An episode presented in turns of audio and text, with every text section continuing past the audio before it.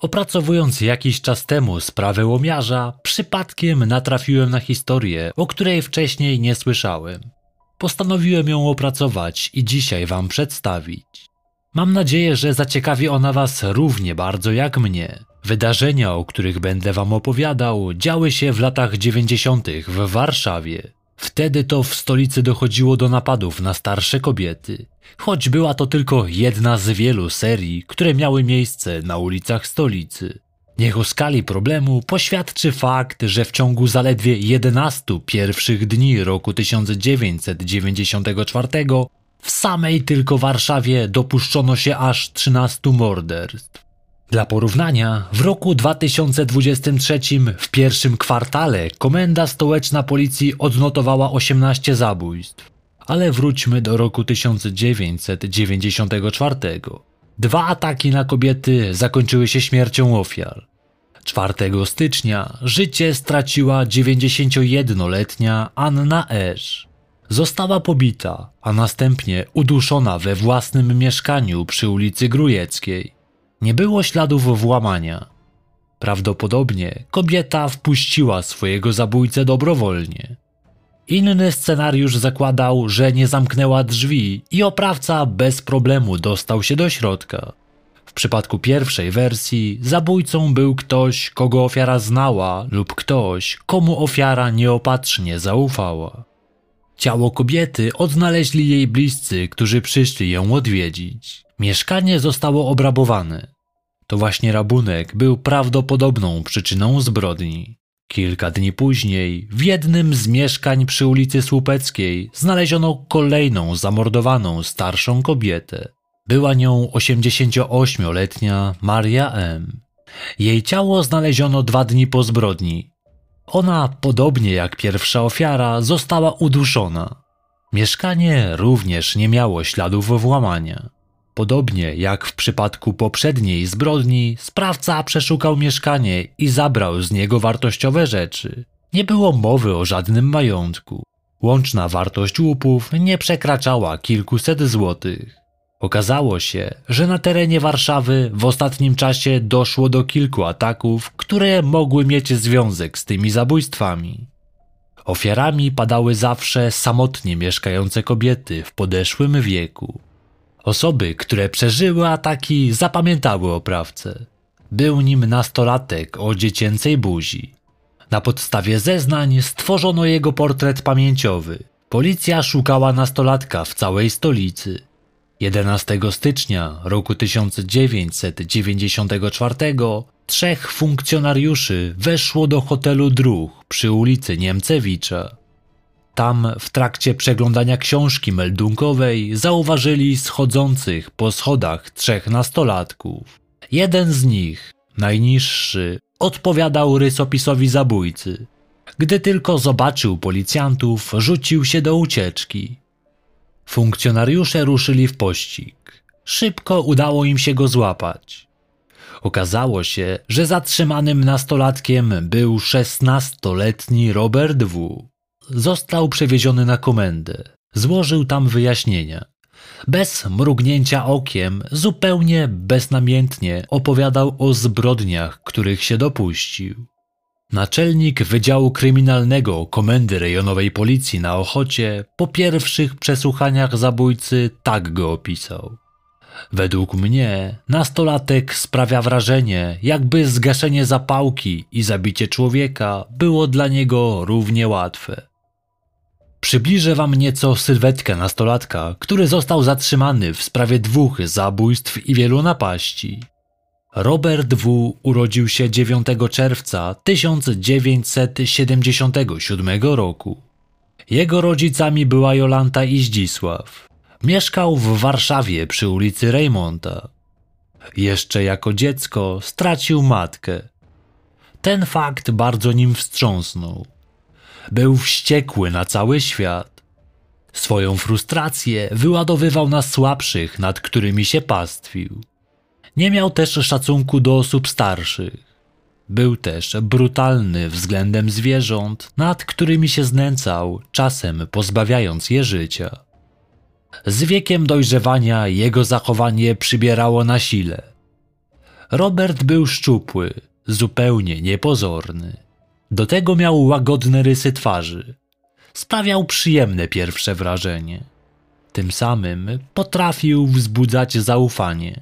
Chłopak szybko zszedł na przestępczą ścieżkę. Zaczynał od drobnych kradzieży w szkole. Z każdą kolejną się rozkręcał. Zaczął włamywać się do kiosków, a potem poszedł o krok dalej i obrabowywał mieszkania.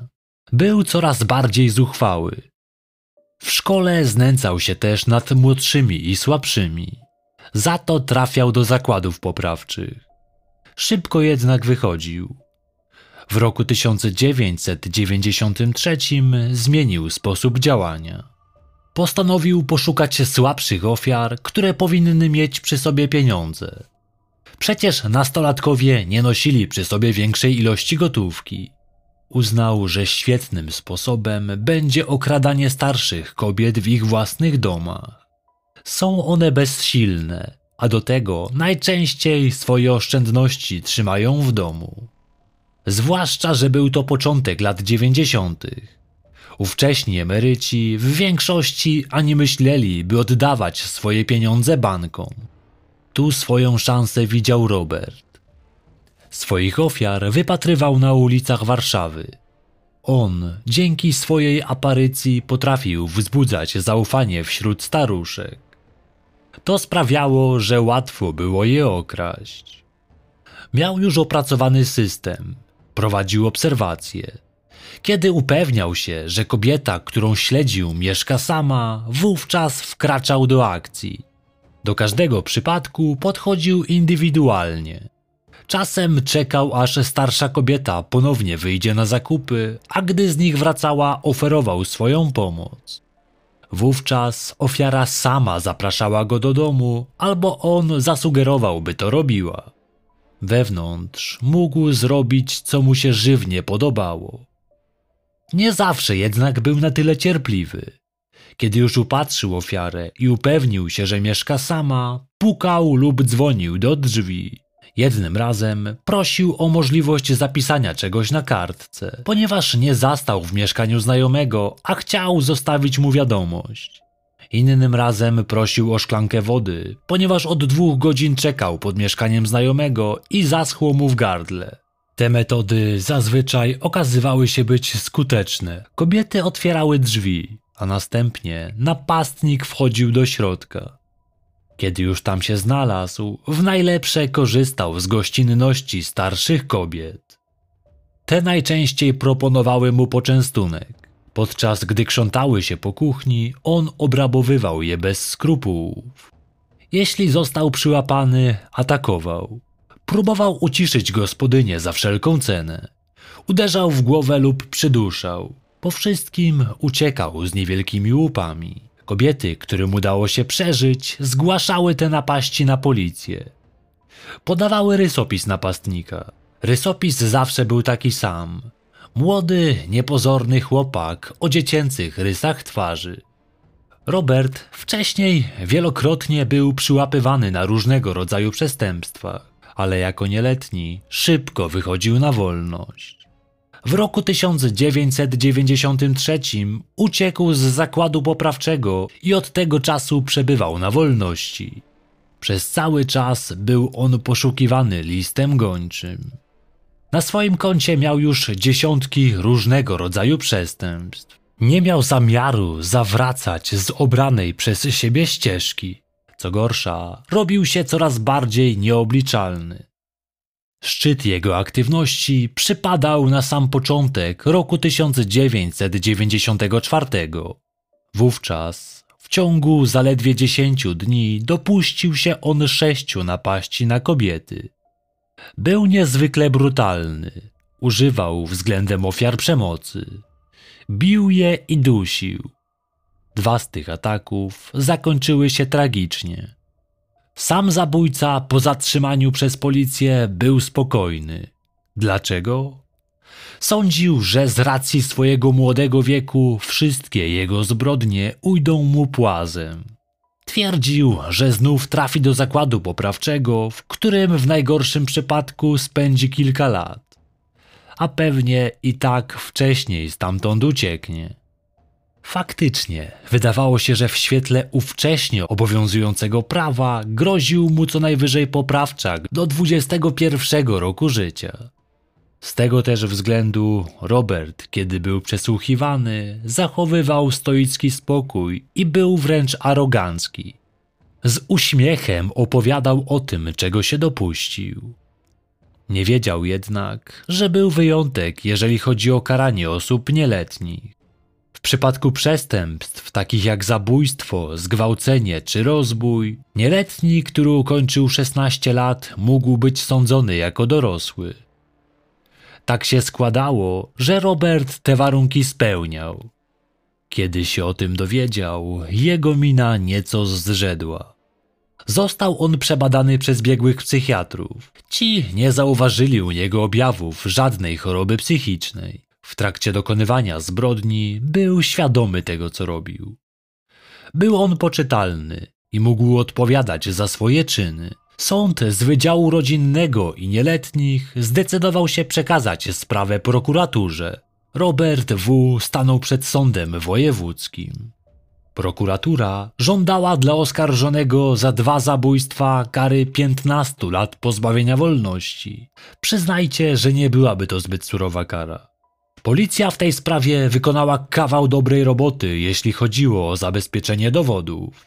Wśród nich znalazły się nawet ślad ucha czy badanie czerwieni wargowej. Czym jest owa czerwień wargowa? Jest to ślad, podobnie jak ślad linii papilarnych, indywidualny dla każdego człowieka. Pozwala to na w miarę dokładną identyfikację osoby i ujawnienie potencjalnych dowodów przestępstwa. Należy dodać, że rysunek czerwieni wargowej nie podlega zmianom do 10 lat. Technika kryminalistyczna, która pozwala na badanie czerwieni wargowej, nazywa się heiloskopia. Dzięki tak dobrze zebranemu materiałowi dowodowemu mogło dojść do skazania zabójcy. W trakcie trwania procesu sprawiał on dobre wrażenie. Był spokojny, nie okazywał żadnych emocji. Wyrok zapadł w listopadzie roku 1994. Sąd był surowszy dla nastoletniego zabójcy niż prokurator. Za zbrodnie, których się dopuścił, czyli dwa zabójstwa oraz dziewięć innych napadów na starsze kobiety, otrzymał karę 25 lat pozbawienia wolności. Wyrok ten był nieprawomocny. Obrońca wniósł o rewizję. Jego zdaniem czyny, których się dopuścił Robert, powinny być zakwalifikowane jako pobicia ze skutkiem śmiertelnym. Wówczas kara mogłaby wynieść maksymalnie 10 lat. Media nadały zabójcy przydomek wampir z ochoty. Do czasu uprawomocnienia się wyroku zabójca został umieszczony w zakładzie poprawczym w Chojnicach. To niemal 400 kilometrów od Warszawy, gdzie mieszkał i dopuszczał się zbrodni. Była to placówka przygotowana do pracy z najbardziej zdemoralizowanymi nieletnimi. Panowały tam procedury, które powinny pomóc w utrzymaniu w ryzach najbardziej niebezpiecznych nastolatków. Monitoring miał jeszcze to poczucie kontroli potęgować. Okazało się jednak, że to wszystko było iluzją. Po zaledwie kilku miesiącach pobytu w placówce, Robert W. uciekł stamtąd. Miało to miejsce 1 maja 1995 roku. Jak doszło do ucieczki?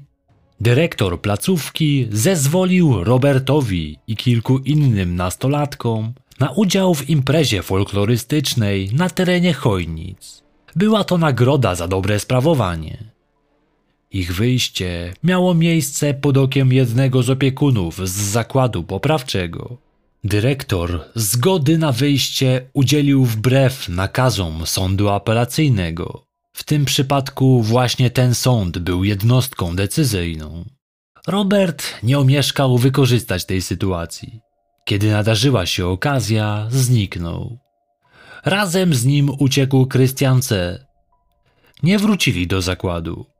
Jeszcze tego samego dnia doszło do napaści na starszą kobietę w Tucholi, miejscowości położonej niespełna 30 kilometrów od Chojnic. Kobieta została zaatakowana we własnym mieszkaniu. Do jej drzwi zapukali dwaj młodzi mężczyźni. Kiedy im otworzyła, poprosili ją o wodę. Kobieta zaprosiła ich do środka. Wówczas jeden z nich ją obezwładnił, a drugi plądrował mieszkanie. Na szczęście nie zrobili jej większej krzywdy. Ukradli przedmioty o wartości około 400 zł. Sposób działania łudząco przypominał metodę działania Roberta W. Ten po ucieczce wrócił do Warszawy, gdzie czuł się najlepiej. Nauczony swoimi wcześniejszymi doświadczeniami, zdawał sobie sprawę, że najłatwiejszym celem będą starsze, samotne kobiety. Kontynuował zatem proceder, który w roku 1994 zakończył się śmiercią dwóch jego ofiar. Nie wyglądało na to, by miał z tego powodu mieć wyrzuty sumienia.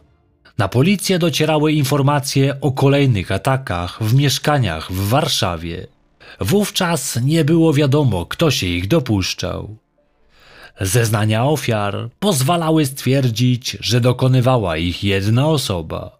Z racji młodego wieku oraz brutalności napastnika zakładano, że w przeszłości musiał on trafiać do zakładów poprawczych. Dzięki temu szybko ustalono, że opis sprawcy pasował do uciekiniera z zakładu w Chojnicach, skazanego na 25 lat pozbawienia wolności za dwa zabójstwa w roku 1994. Rozpoczęto poszukiwania Roberta W. Wystawiono za nim list gończy.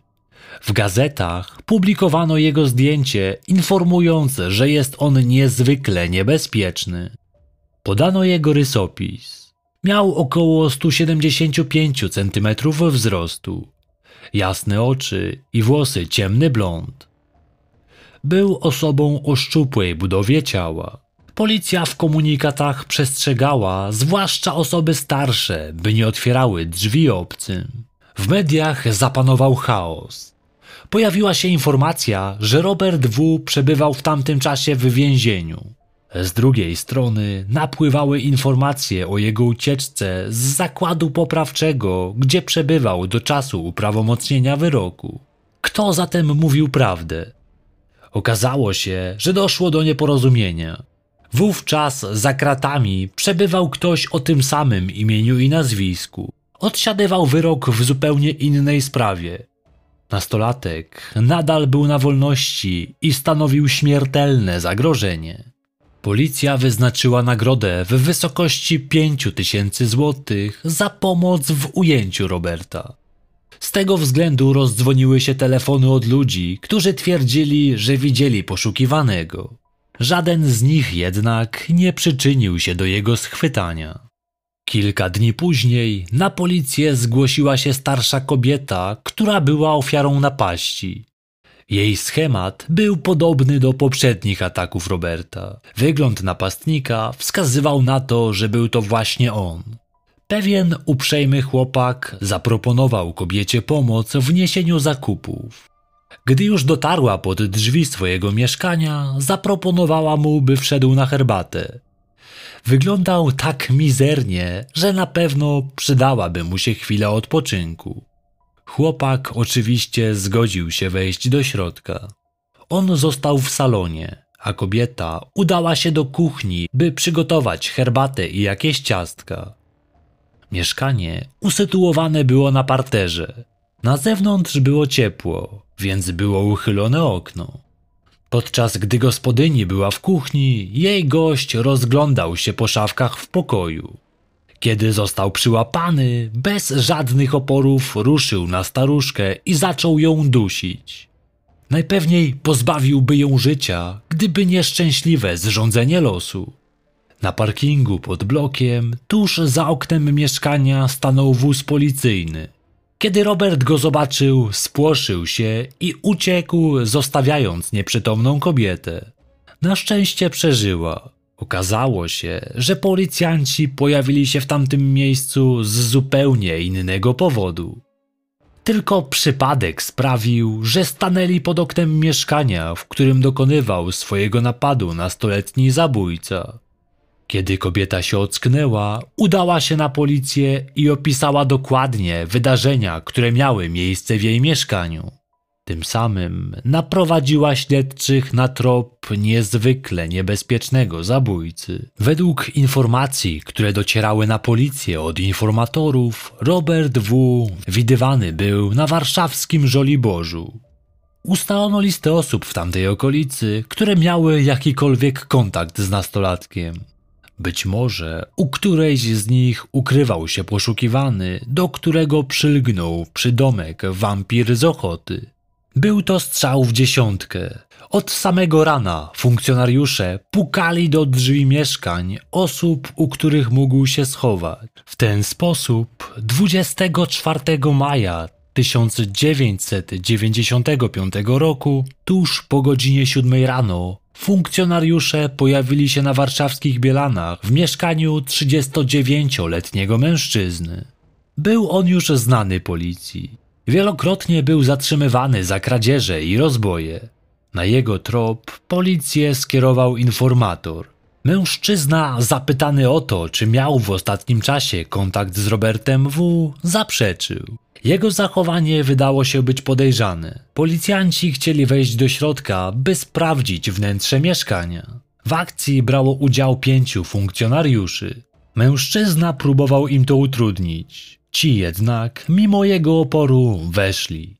Tam, w jednym z pokojów, znaleźli spokojnie śpiącego uciekiniera z zakładu poprawczego, który w ostatnim czasie siał postrach wśród starszych kobiet na ulicach stolicy. Robert był w szoku. Nie stawiał oporu. Nie miało to sensu. On sam przeciwko pięciu funkcjonariuszom. Powiedział im, że gratuluje im sukcesu, na stole leżała gazeta, w której było jego zdjęcie. Siedemnastolatek z uśmiechem na ustach napisał pod zdjęciem: Moje gratulacje. Podpisał się. Śmiejąc się, zaproponował, by zabrali ją ze sobą na pamiątkę. Prócz Roberta W. zatrzymany został także gospodarz, u którego przebywał. Usłyszał on zarzuty ukrywania groźnego przestępcy. Groziła mu za to kara nawet pięciu lat pozbawienia wolności. Mężczyzna był kuzynem jednego z dobrych znajomych siedemnastolatka. Robert przebywał u niego od półtora tygodnia. Mężczyzna sąsiadom mówił, że chłopak jest jego siostrzeńcem. Pojawiali się razem w okolicy. Nikt nie skojarzył, że nastolatek był poszukiwanym niezwykle niebezpiecznym mordercą. Dlatego też właśnie nikt nie zgłosił się na policję. Policjanci, którzy zatrzymali poszukiwanego mężczyznę, otrzymali nagrodę w wysokości tysiąca złotych na głowę. Informator, który wskazał miejsce pobytu Roberta, otrzymał pięć tysięcy wcześniej obiecanej nagrody. Tym razem Robert W. nie miał już trafić do zakładu poprawczego. Po zatrzymaniu przewieziony został do aresztu, Ustalono, że po ucieczce Robert W. dopuścił się kilku ataków na starsze kobiety, w tym jeden w Tucholi jeszcze w dniu, kiedy zbiegł. Razem z kolegą potrzebowali pieniędzy na dalszą podróż i dlatego właśnie zaatakowali. Po przyjeździe do stolicy rozdzielili się. Krystian szybko został złapany. Robert unikał schwytania nieco dłużej. Młody mężczyzna przyznał się do wszystkiego. Z jego zeznań wynikało, że część z ataków nie została nawet zgłoszona przez ofiary, jak chociażby sytuacja, gdy wyrwał z rąk torebkę idącej ulicą kobiecie. Na szczęście żaden z tych ataków nie zakończył się zabójstwem. Za napaści, których się dopuścił po ucieczce, groziły mu kolejne lata odsiadki. Dwa miesiące po zatrzymaniu Roberta odbył się proces apelacyjny, Sąd nie przychylił się do stanowiska obrony, która wnioskowała o łagodniejszy wyrok. Sposób działania nastolatka świadczył o tym, że zabójstwa dokonane były celowo. Sama postawa oskarżonego oraz jego brak skruchy, a także fakt, że dopuścił się ucieczki, działały na jego niekorzyść. Wyrok sądu pierwszej instancji został utrzymany w mocy. Sam oskarżony nie pojawił się na rozprawie. Nie był to jednak koniec sprawy. Wyrok mógł zostać zaskarżony jedynie drogą rewizji nadzwyczajnej przez ministra sprawiedliwości, prezesa Sądu Najwyższego lub Rzecznika Praw Obywatelskich. Wygląda na to, że do tego doszło. Tym samym odbył się kolejny proces. Tym razem przyniósł on zmianę wyroku. Sąd we wrześniu roku 1998 złagodził wyrok 25 lat do zaledwie 15 lat pozbawienia wolności. Podstawą do podjęcia takiej decyzji był artykuł 4, paragraf 2 nowego kodeksu karnego, który nakazywał obniżyć wyroki skazanym, którzy dostali wyższe kary niż przewidywało nowe prawo. Robert W. mógł według nowych przepisów dostać najwyżej 15 lat, bo nieletniemu sprawcy nie można było dać więcej niż dwie trzecie najsurowszej kary. Sąd zgodził się też na upublicznienie danych oraz wizerunku Roberta W., by przestrzec osoby starsze, po to, by zdawały sobie sprawę, że nawet niewinnie wyglądający nastolatek może być niezwykle niebezpieczny. Dyrektor placówki, który umożliwił Robertowi ucieczkę z zakładu poprawczego w roku 1995, został zwolniony z pełnionego stanowiska. Dziś Robert W., jeśli żyje, ma 46 lat. O ile odsiedział 15 lat za swoje zbrodnie, już od dekady jest na wolności.